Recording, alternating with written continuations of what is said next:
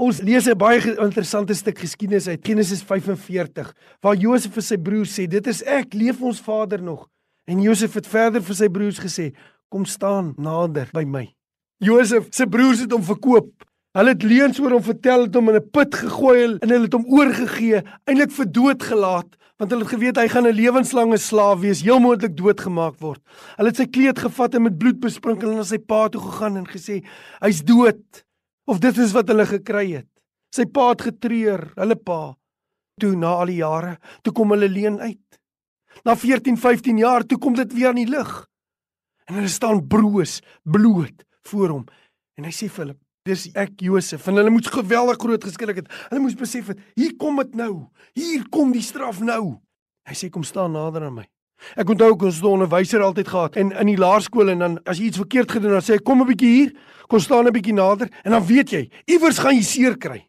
Hy gaan of jou hou gee of hy gaan jou hare trek hier dat jy nie meer kan staan nie. Ag, is allerhande sulke goed. Jy weet jy jy was self ook daarin. Kom staan 'n bietjie nader.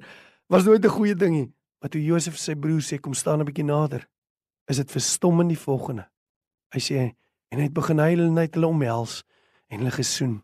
Hy het gesê kom staan nader sodat ek julle kan omhels en soen. Net so skuldig staan die mensdom voor die lewende God. Maar God se eerste keuse is nie om mense in hulle sonde te oordeel nie. Nee, sy eerste keuse was om sy seun te stuur sodat elkeen wat nader staan na hom toe, die omhelsing die liefde en die vergifnis van die Here kan beleef. Jy kan dit ook beleef waar jy is. Die Here se hart is nie om jou weg te stoot nie. Dis hoekom hy gesterf het aan die kruis. Dis hoekom hy sê, kom staan nader aan my. O in die lig van soveel liefde, hoe kan 'n mens nie nader gaan nie? Soos Josef se broers staan die mens en jy ook miskien vanaand skuldig voor die lewende God. Maar hy roep jou nader, dis hoekom hy kom sterf het aan 'n kruis.